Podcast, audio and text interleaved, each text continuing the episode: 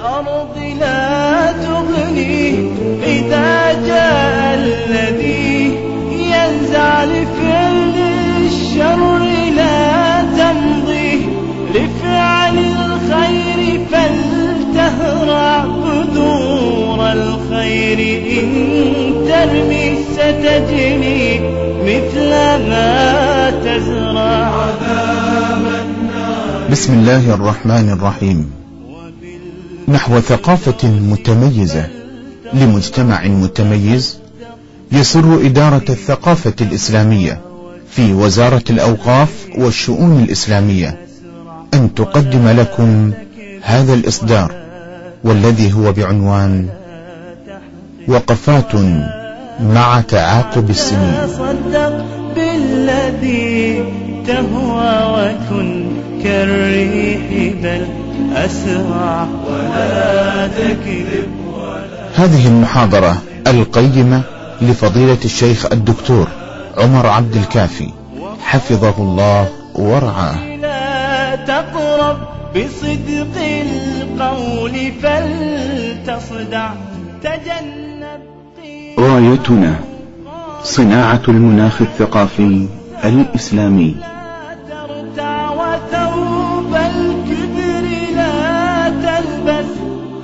والآن مع مادة هذه المحاضرة. تعالى خالق الأكوان أحمد الله رب العالمين. حمد عباده الشاكرين الذاكرين وأشهد أن لا إله إلا الله ولي الصالحين وأن سيدنا محمدا عبده ورسوله. اللهم صل وسلم وبارك عليك يا سيدي يا رسول الله. صلاة وسلاما دائمين متلازمين إلى يوم الدين ثم ما بعد. أحبتي في الله أحييكم جميعا بتحية الإسلام فالسلام عليكم ورحمة الله تعالى وبركاته. طبتم وطاب ممشاكم وتبوأتم من الجنة مقعدا إن شاء الله رب العالمين. ولكي ندلف إلى موضوع المحاضرة رأسا الإنسان يعيش في هذه الحياة مرحلة بين مرحلتين من مجموع مراحل خمسة. نحن نعيش في هذه الدنيا مرحلة بين مرحلتين. بين مجموع مراحل يمر بها الكائن البشري مراحل خمسة. وتستطيع أن تقسم الأيام إلى أيام خمسة. لا سادس. يوم مفقود ويوم مشهود ويوم مورود ويوم موعود ويوم ممدود. هذه أيامنا تمر على المؤمن الكافر الصالح والطالح كبير والصغير. طالما وجد في هذه الحياة ونزل من بطن أمه لا بد أن هذه هي أيامه الخمسة. فنتحد كبني البشر وكبني آدم في المرور بهذه المراحل. فماذا تصنع أنت في كل مرحلة؟ أو ماذا يصنع بك في كل مرحلة؟ وأن النهاية كلها عندما تقف بين يدي رب العباد سبحانه ليحاسب العبد على صغير الأمر وكبيره فاللهم ثبتنا بالقول الثابت في الحياة الدنيا وفي الآخرة ويوم تبعث الأشهاد يا رب العالمين. مرت عليك أيام من عمرك منذ أن ولدت إلى عصر هذا اليوم. هذا العمر من عصر هذا اليوم ونحن في مغربه وقد استقبلنا ليله ومساءه.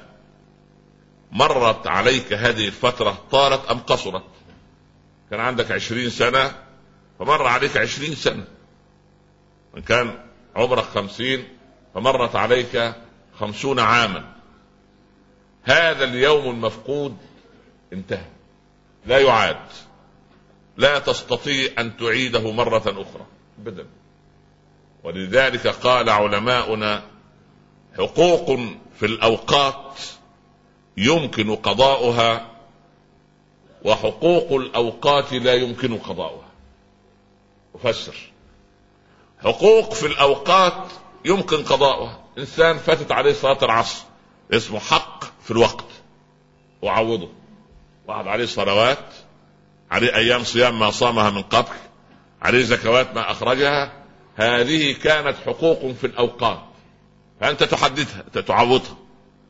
أما حقوق الأوقات نفسها فلا يستطيع تعويضها. هل تستطيع أن تستعيد عاما من أعوامك التي انقضت؟ البارحة كان يوم الأحد السبت تمام؟ هل تستطيع استعاده يوم السبت مرة أخرى؟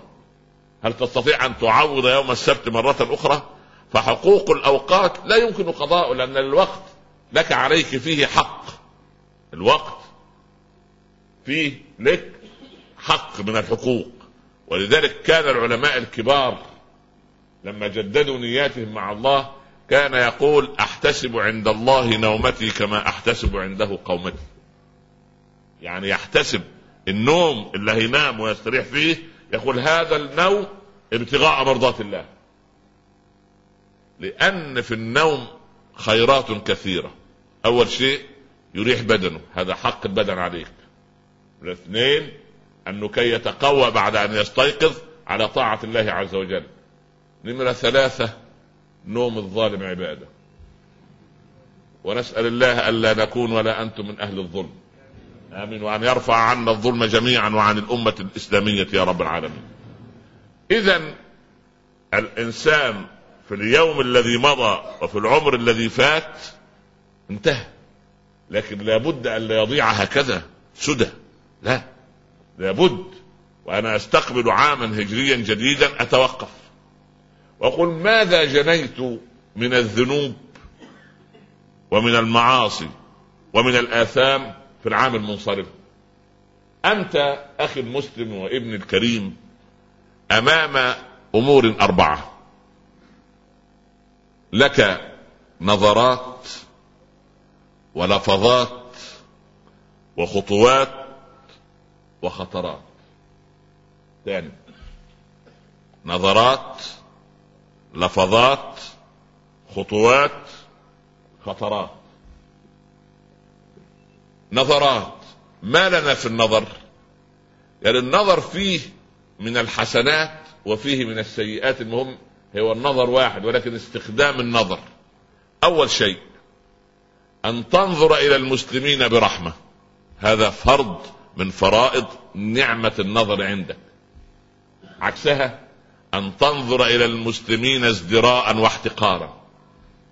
قال علماؤنا من نظر إلى أبيه أو أمه شزرا شزرا يعني استكبارا أو احتقارا أو عدم قناعة بما يقول الأب والأم امسكت الملائكة عرش الرحمن خشية أن يسقط من غضب الجبار سبحانه.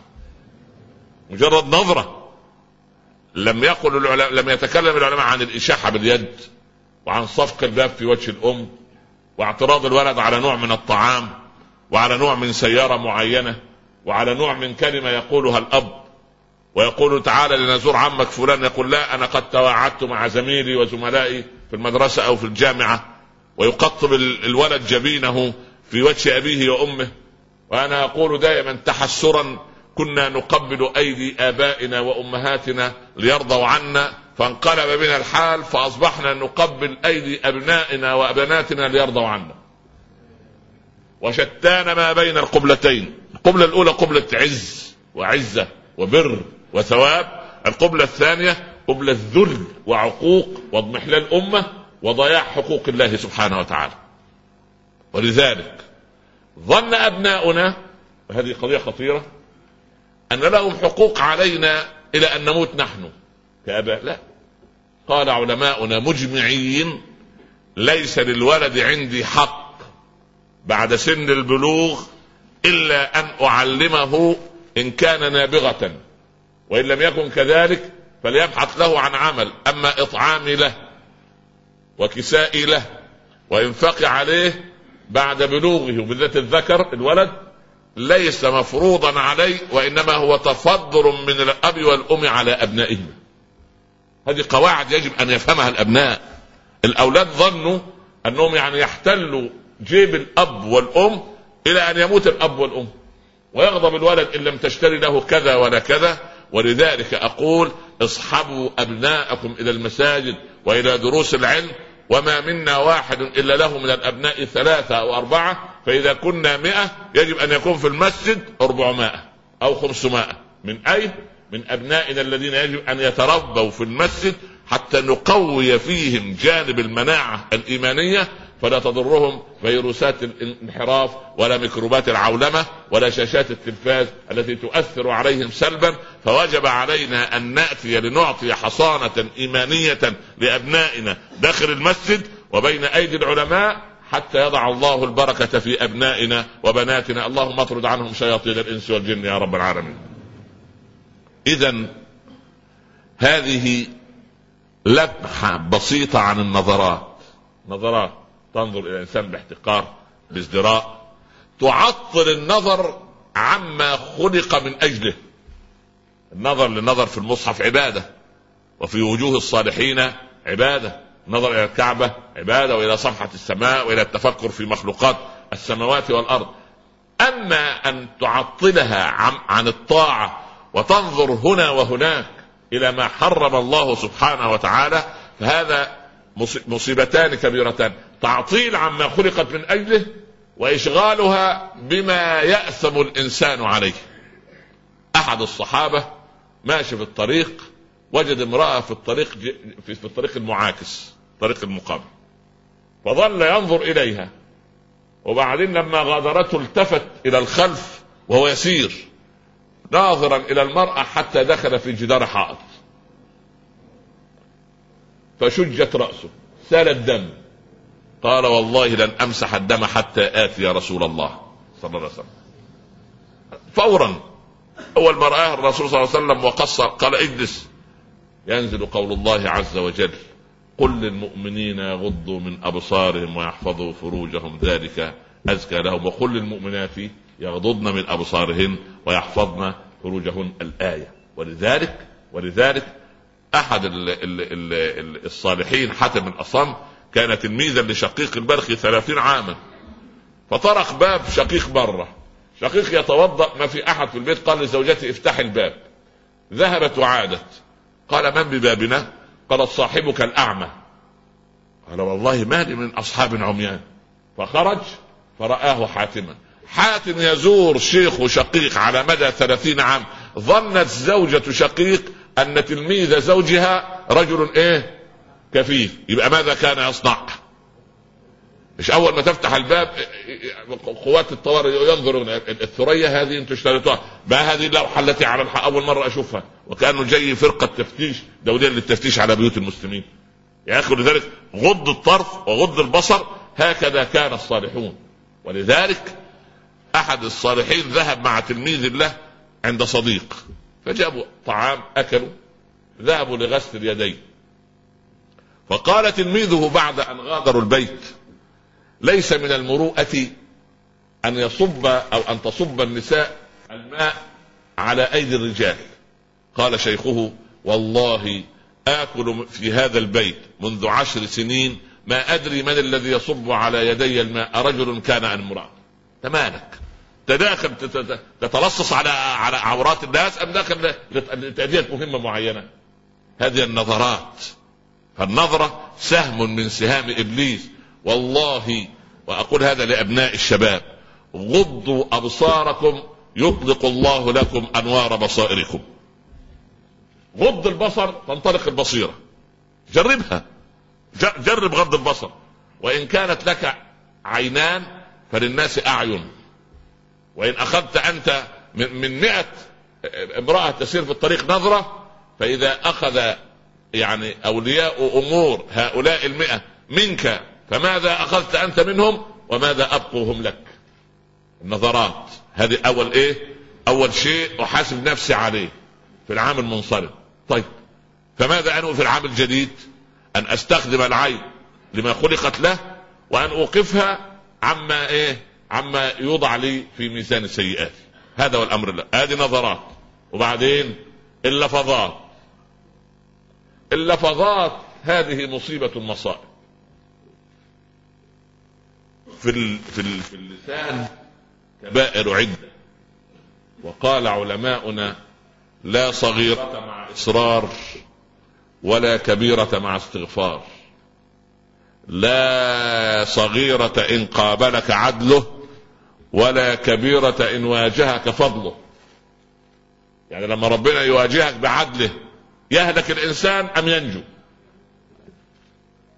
وإذا واجهك بفضله فبفضل الله وبرحمته فبذلك فليفرحوا اللهم اجعلنا منهم ممن آتيتهم فضلك يا رب العالمين. تعال للسان هذا. أولا السباب فحش القول. كان اليهود يمرون على رسول الله صلى الله عليه وسلم ويقولون السلام عليك يا محمد. يقول وعليكم ادبا منه عليه الصلاة والسلام.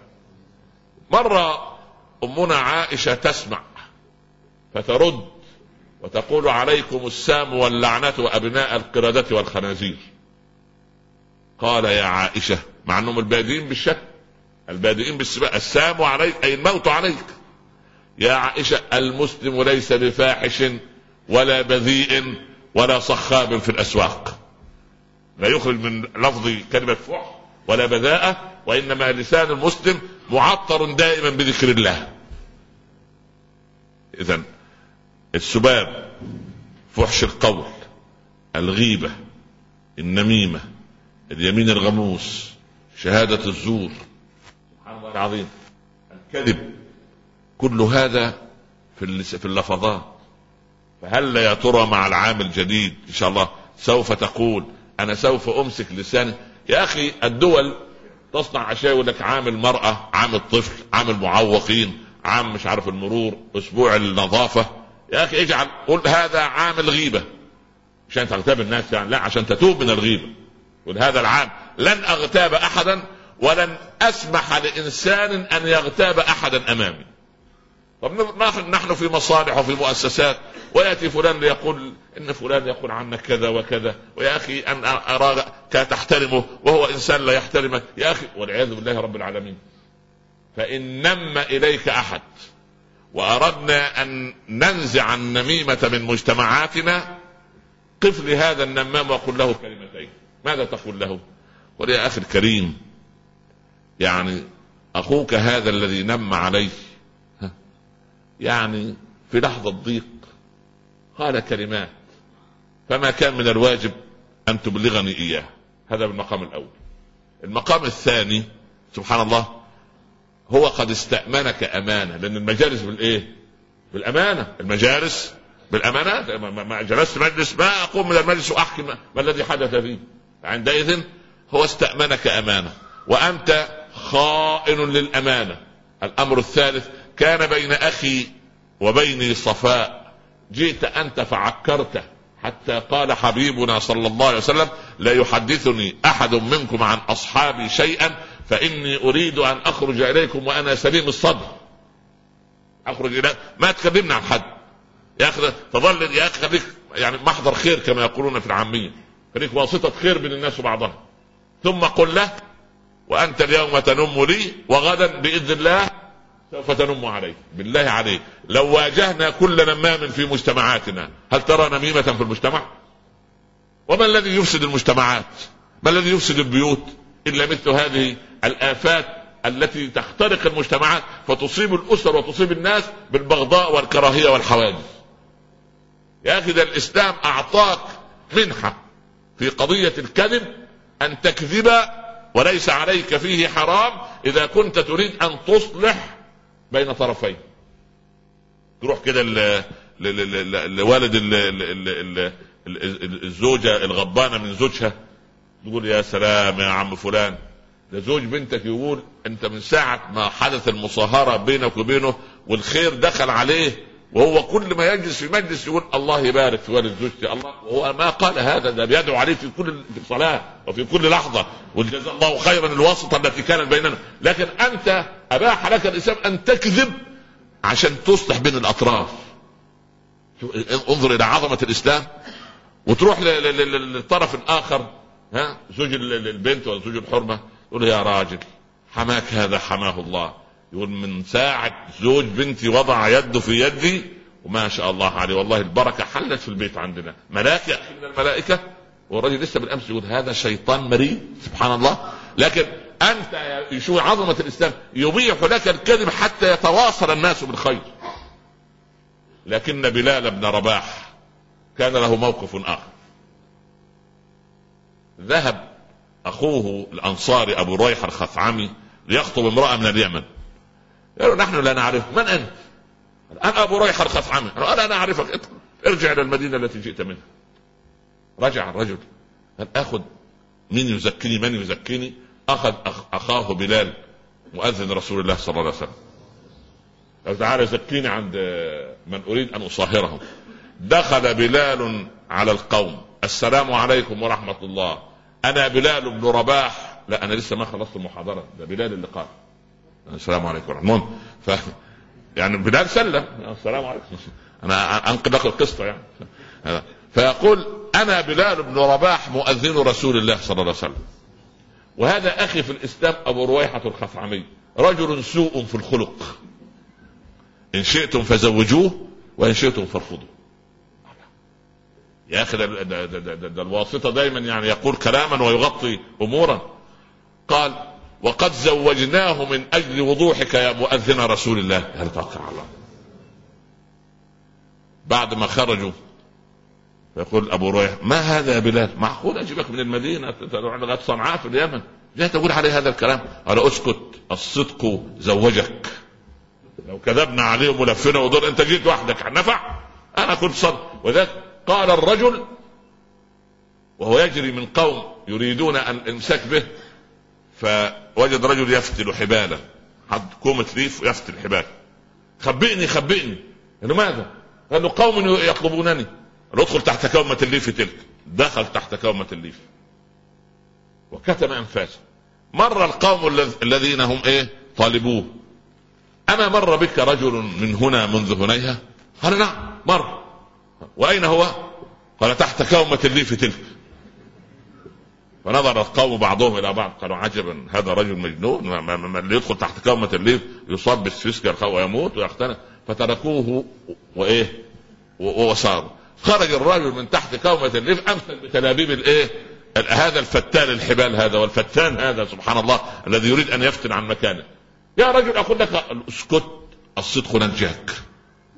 لو قلت لهم لا ما رأيت هيفتشوا المنطقة ويتخرجوك سبحان الله. اذا الصدق لا يأتي إلا بالخير ولسان الإنسان ولفظاته يجب والله يا مؤمنين أنا أرى بوجهة نظر الضعيفة أننا أتعبنا ملائكة السيئات. إذا كانوا يتعبوا يعني. آه. إذا كان ملك السيئات يتعب فقد استراح ملك الحسنات. لا إحنا عايزين نريد أن نت... إذا كانوا يتعبون يعني نريد أن نتعب ملك الحسنات ونريح ملك السيئات. سبحان الله. فمن كرم الله علينا أن الذنوب ليست لها رائحة والا ما جلس مسلم بجوار مسلم. والله نحمد الله رب العالمين. هذا من ستر الله أم ليس من ستر الله؟ يستوجب الشكر ولا لا يستوجب؟ هذه النظرات هذه اللفظات الخطوات أين تذهب بقدميك؟ لتعمير بيت الله؟ للاصلاح بين المتخاصمين؟ للعمل الذي تقتات منه؟ ل ل ل يعني لتهنئه اللي عنده فرحة أو شيء مناسبة طيبة لتعزية من عنده حالة وفاة هكذا تستخدم أقدامك في طريق الله سبحانه. عروة بن مسعود الله يرضى عليه لما أقر الأطباء بقطع قدمه أو ساقه فلما قطعت واغشي عليه وأفاق بكى قالوا أتبكي من قدر الله يا عروة؟ قال لا. يعلم الله رب العباد عز وجل أنها ما صارت لمعصية قط وإنما لتعمير بيت الله وللقيام بالليل للصلاة لله وللذهاب مع الجيش في سبيل الله. يا رب إن كنت قد أخذت القليل فقد أبقيت الكثير. يا بر يا وصول. هكذا الإنسان الصابر الذي يبحث عن مكامن الخير في حياته. هذه اللفظات هذه النظرات الخطوات وبعدين لا تسأل العلماء كثيرا. عندما تستدعى إلى مكان وتقول يا سيدنا الشيخ أذهب لا أبو لا أذهب.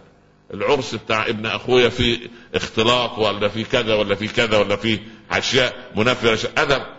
اسأل نفسك سؤالا قبل أن تسأل الشيء لو وجهت الدعوة إلى رسول الله صلى الله عليه وسلم. يذهب أم لا يذهب؟ خلاص. الموضوع واضح. والحلال بين والحرام بين. ومدلول اللغة العربية عجيب. دائما الحلال يكون واضحا في النور. والحرام دائما وراء الكواليس في الظلام. انطق كلمة الحلال والحرام. أنا أريد أن تنطقها أنت الآن. حلال. فمي مفتوح أم مغلق؟ حلال. طب أنت تقول حرام. ها؟ قول كده. حرام. صح. المرتشي يعمل إيه؟ يفتح لك الدرج. بهدوء لأنه حرام. لابد في الظلام. لكن لو أنت لك حق عند واحد تعمل فيه إيه؟ تروح المحكمة وتروح عند الكبير العائلة و... ابن أخوك حرامي لص يأخذ الأموال وما يرجعها وترفع صوتك. إن لصاحب الحق مقالا. سبحان الله. ولكن في القضاء الواحد يراعي. رجل دخل على شريح القاضي قال فقال عيني يا قاضي الحق يا شريح. الرجل قاعد جنب شريح ما عندوش خبرة في القضاء. قال يا شريح الرجل مظلوم عينه مفقوعة خذ له حقه. قال له اسكت ربما فقع العينين للآخر. اسكت انت انت مالك انت؟ انت متسرع في الحكم ليه؟ طب لما نشوف القطار الثاني فقع عينه ليه؟ الله يمكن الثاني خلع العين. ولا إيه؟ ألا تذكر هذا الحاسد؟ والعياذ ربنا يبعد عنا وعنكم الحسد. سبحان الله. اثنين حاسدين في مملكة في التاريخ يقصون عنها في السير. فجاء بهم الملك وقال ليتمنى واحد منكم أمنية وسوف أعطي الثاني ضعف طلب الأول. يعني واحد طلب ألف أعطي الثاني اثنين. واحد طلب ناقة أعطي ناقتين. واحد طلب قطيع أعطي الثاني بيت أعطي بيتين وطبعا هما الاثنين حاسدين فأنا لو بدأت يبقى من الذي يأخذ أكثر؟ فالثاني يقول له قل. الثاني يقول له قل ما مش عايز مش عايز يبقى. فالملك قال لا, لا نزاع عندي. قل يا فلان. قال أيها الملك افقى لي عينا. يا ستار يا رب انظر إلى الناس كيف يكون الشر كامنا فيهم. نسأل الله أن يعيدنا وإياكم من الحسد وأهله. آه والله. رجل حاسد ياتوا به فسمع لبنا يشخب يعني حد بيحلب بقرة. هو معروف أنه يعني صاحب عين يعني والعياذ بالله نسأل نعيذ نستعيذ بالله من, من شر الجنة والناس. سبحان الله. فدخل على القطيع قال أي بقرة كانت تحلب؟ هين الناس خافوا. فأشاروا إليه إلى البقرة المجاورة. بقرة وتركوا الإيه؟ البقرة الحلوب. فسقطت البقرتان. يا ستار الطف يا لطيف شوف انت عود أولادك كل يوم وعودهم بالفلق والناس ثلاث مرات وينفث في أيديهم ينفخ كده ثلاث مرات ويمسحه كما كان يصنع رسول الله صلى الله عليه وسلم. اذا يا, أخ... يا إخوة يا فضلاء ادي النظرات واللفظات والخطوات ثم الخطرات. فأنت تراجع اليوم الذي انقضى والتاريخ الذي انقضى والعام الذي انقضى من هذه المحاور الأربعة. وبعدين تجدد النية. يقول أنا أقسم العام إن كنا من أهله إن شاء الله من أهل الدنيا نقسم العام إلى هو 12 شهر. كل شهر أنتهي عند آفة من الآفات. لأن المشكلة نحن عندنا تزكية الأنفس يعني كل واحد يزكي نفسه مع أني أقول لك شيء. لو نادى منادي على باب المسجد الآن ليأتيني أصلحكم وأتقاكم وأخوفكم من الله كلنا نندفع. ولو انقلب المنادي وقال أنا ملك الموت من يأتيني؟ قوم يا فلان قوم تتكلم. تكلم يا فلان أنا لسه صغير وعندي أطفال رضع. لماذا؟ لأن الإنسان سبحان الله طالما أنت موقن أنك قادم. طيب ما اعمل دراسة جدوى. على المؤسسات تعمل دراسات جدوى. المؤسسات الكبيرة تعمل دراسات جدوى. أليست الآخرة تحتاج منا كمسلمين إلى دراسة جدوى لكي ننجو يوم القيامة؟ معقول هذا الكلام؟ سبحان الله. فعندك يوم مفقود الحياة العمر الذي ضاع. وعندك يوم مشهود. اليوم. اليوم أنا أعطيك ميزان بسيط جدا. خلوهم ميزانين. الميزان الأول أن امسح الذنوب اولا بأول. كيف؟ أنا هصلي الظهر. أبتدي أجلس على مكان الصلاة وأراجع ماذا صنعت من صلاة الصبح. يبقى أول بأول أهو. اغتبت من؟ نميت في حق من؟ خضت في عرض من؟ أخذت مال في شبهة من من؟ أعطيت رشوة لمن؟ أبدأ أكفر أو أمسح هذه البلايا اولا بأول. أجي في صلاة العصر؟ أمحو ما صنعت من الظهر. المغرب نفس القضية. العشاء ما صنعت من المغرب. فإن جلست قبل النوم أجلس لحظات هكذا في فراشي أستعيد اليوم. اولا بأول. أقول يا ربي إن كنت من أهل الدنيا وأبقيتني في الغد إن شاء الله أنا تبت إليك يا رب العباد فاحفظني بما تحفظ به عبادك الصالحين. وإن يا رب قبضت عمري فأنا يا ربي ما بيني وبينك فيا رب اغفره لي وما بيني وبين الناس فتحمل تبعاتي عني فتلجئ مسكنتك ونفسك إلى الله والله يتولى الصالحين. اذا العداد سبحان الله إيه؟ تمحو اولا بأول. لأن الإنسان بطبيعته إيه؟ ينسى. هو بطبيعته ينسى. فعشان أنت تنسى وأنا أنسى وسمينا إنسان لتناسينا يبقى امحو الذنوب اولا بأول كي يت... كي لا تتراكم الذنوب بعضها فوق بعض. هذا هو اليوم الإيه؟ اليوم المشهود اللي أنا شاهدته اليوم. ثم يوم موعود. يأتيني فيه ملك الموت. ده وارد وارد. المؤمن مقتنع والكافر مقتنع. المستقيم مقتنع. سبحان الله. وليس كبر السن سبب لقرب زيارة ملك الموت أكثر من صغير السن. وليس المريض مرضا يعني لا لا يرجى برؤه أبعد أو أقرب من ملك الموت من الإنسان صحيح البدن، الإنسان ينام لا يقوم، صبي يموت سبحان الله الإنسان يتحرك فجأة لا إله إلا الله، فالإنسان سبحان الله ينتظر ملك الموت، طب ملك الموت نقول لأبنائنا بالذات لا نريد منكم إلا المواظبة على الصلوات الخمس مع عدم صناعة المعاصي لماذا؟ لأن ملك الموت سوف يأتيني إما بعد صلاة الصبح أو بعد الظهر أو بعد العصر أو بعد صلاة المغرب أو بعد صلاة الإيه؟ العشاء، هل يأتيني ملك الموت في وقت آخر؟ هو في وقت آخر غير هذا؟ فإذا جاءني بعد صلاة الصبح فكان آخر قولي أشهد أن لا إله إلا الله وأن محمدا رسول الله. إن جاني بعد الظهر بعد العصر ومن كان آخر كلامه لا إله إلا الله إن شاء الله ربنا يعني يتولاه برحمته ويدخله الجنة إن شاء الله دون سابقة عذاب. سبحان الله. ولذلك ولذلك أنا دائما العبد يعني دايما إخواننا الأئمة وأبناؤنا يذكروننا قبل الصلاة يقول صل صلاة مودع. يعني إيه؟ يعني ربما تكون هذه آخر صلاة. من يضمن لنا أن نصلي العشاء التي بعد لحظات أو صلاة الصبح التي بعد ساعات. أو من يضمن لنا أن نعيش إلى الجمعة القادمة أو شيء. طالما أنك لا تضمن فكن على استعداد للقاء الله إن كنت تدعي محبة الله ومحبة رسوله صلى الله عليه وسلم. يبقى ملك الموت دائما أمامك. أمامك. سبحان الله. تقلب الرسول صلى الله عليه وسلم يوما في فراشه. وكان ينام سويعات قليلة. قالت عائشة ما لك لم تنم الليلة يا رسول الله؟ قال أوقية من ذهب من أواقي الصدقة. كنت أتقلب خشيت أن أقبض الليلة وهي في بيت محمد. يخاف صلى الله عليه وسلم أن يقبض وفي سبحان الله لا إله إلا الله. العبد منا يكون على استعداد لأن طالما ملك الموت طيب. طب ليه المحاكم؟ ليه نجرجر إخواننا وأهلنا عشان مواريث وعشان متر من أرض وعشان بناية؟ قد يأتي سبحان الله من يهدمه أو أو إلى آخره، لماذا نعادي إخواننا وأهلينا في محاكم سنوات ونورث الأسر الشحناء والبغضاء والكراهية؟ ويحمل لماذا كل هذا؟ والموت قادم. سبحان الله، اذا اليوم الموعود هو اليوم الذي يأتيك فيه ملك الموت، ولذلك اسأل نفسك سؤالا. إن جاءني ملك الموت قل له اقبض روحي الآن أم أنظرني حتى أتوب؟ ماذا تقول له؟ ها؟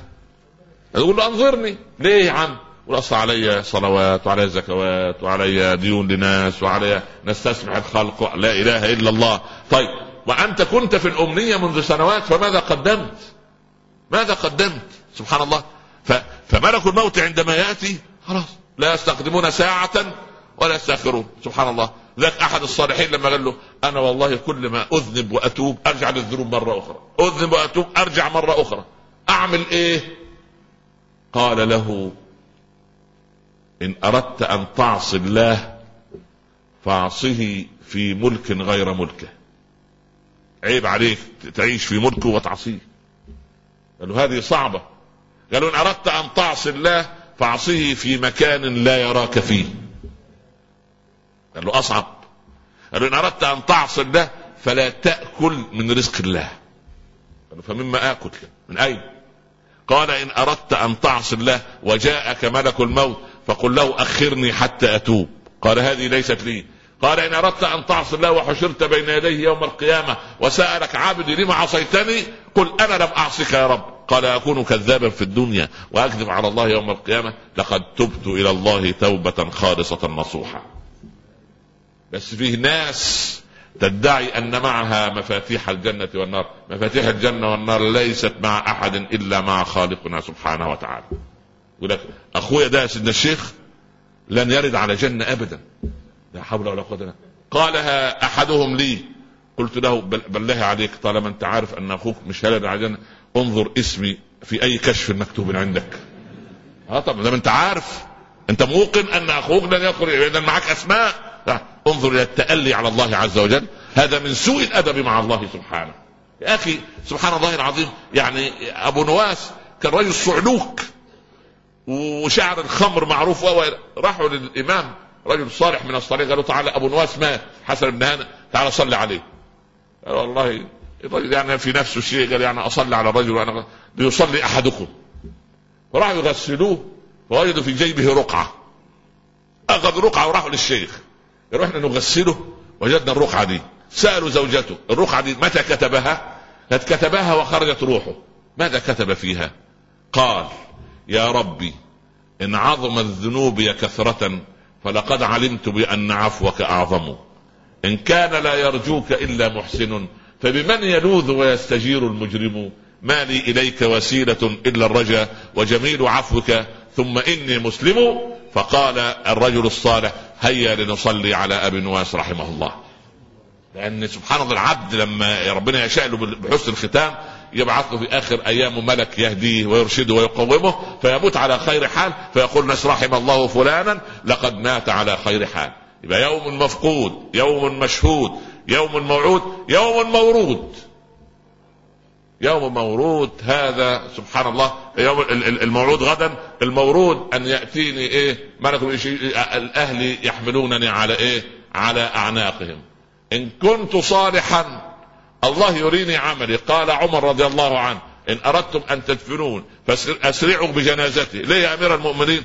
قال إن كان خيرا قدمتموني إليه وإن كان غير ذلك فشر تطرحونه من فوق أعناقكم. وقال علماؤنا لما العبد يسير ويرى عمله الصالح يقول أسرعوا بجنازتي لما تبطئون بها؟ يريد أن يلقى ربه سبحان الله تعالى. وإن كان غير ذلك على ما تسرعون بجنازتي؟ والله لو تعلمون ما ينتظرون من الشر لأبطأتم بها. يا ويلي يا ويلي. اذا العبد سوف يترك وحيدا فريدا في قعر قبره والمصيبة أنه يسمع قرع نعالهم يعني الأهل وتركونا هو سامع أقدامنا ونحن نتركه ونحن نسمع أقدامهم يتركونا. وهذه أصعب لحظة على الإنسان منذ أن ولد. سبحان الله. وبعد ذلك ما بقي إلا العمل الصالح. اللهم أحسن أعمالنا وأحسن خاتمتنا يا رب العالمين. هذا هو اليوم لا بد أن يرده كل إنسان. عالم البرزخ. رب ارجعوني لعلي أعمل صالحا فيما تركت. كلا إنها كلمة هو قائلها ومن ورائهم برزخ إلى يوم يبعثون. ثم يأتي اليوم الأخير من الخمسة وهو اليوم الممدود حيث يا أهل الجنة خلود بلا موت يا أهل النار خلود بلا موت. هاؤم اقرأوا كتابي من بداية الحشر. ثم ينادى يعني عليه بعد ذلك أنها طوبى هذا المكان وطوبى قد أفلح المؤمنون. والآخر والعياذ بالله لا في لا نقد ولا إبرام ولا محامي ولا استئناف ولا إرجاع مسألة ولا ولا ولا سبحان الله. عندئذ قد أفلح المؤمنون. اللهم اجعلنا منهم يا رب العالمين. أحبتي في الله هذه لمحة سريعة وخاطفة بقضية تعاقب السنين. سنة تلو سنة وسنة تلو سنة. قد نشعر بالكمد والحزن عندما نرى العالم وقد انتقض علينا كما تداعى الأكلة إلى قصعتها كما أخبرنا الصادق المعصوم صلى الله عليه وسلم. لكن الأمل يزال باقيا. الأمل يظل باقيا في أبنائنا وفي بناتنا وفي رجالنا وفي نسائنا وفي علمائنا وفي أهل الخير وفي الذين يربون الناس على الخير وفي الذين يأخذون بأيدينا إلى طريق الخير. يظل الخير في أمة محمد صلى الله عليه وسلم إلى أن يرث الله الأرض ومن عليها. أحبتي في الله هذا معلم من معالم الحياة أن تتوقف عنده وأن تصيغ أو تعيد صياغة حياتك مرة أخرى. هل اكتسبت مالا حراما؟ هل أكلت مالا من حق إخوانك أو أخواتك؟ هل أخذت شيئا لا يحق لك؟ هل يعني سبحان الله العظيم كما كان عمر لما دخل شم رائحة طيبة في بيته ما هذه الرائحة؟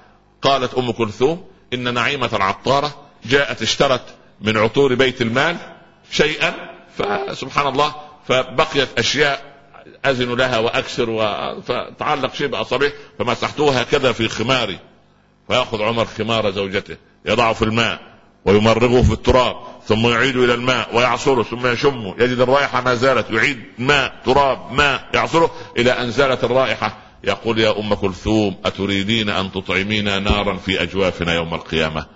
هذا مال لدرجة أن قسم عند حفيدي عمر بن عبد العزيز عطور بيت المال فوضع يده على أنفه. قالوا ما هذا يا أمير المؤمنين؟ قال وهل يستفاد منه إلا برائحته؟ ليست هذه الرائحة ملك لنا. ملك لنا. فيه ناس يدخلوا محلات العطور. يا أستاذ أنت ناوي تشتري؟ لا بس ما شاء الله يعني كده ناخذ شوية لا حول ولا قوة إلا بالله. الله. يا أخي اتق الله. يجب الإنسان يتقي الله رب العالمين في صغير. ومن استبرأ الصغير استمرار كبير.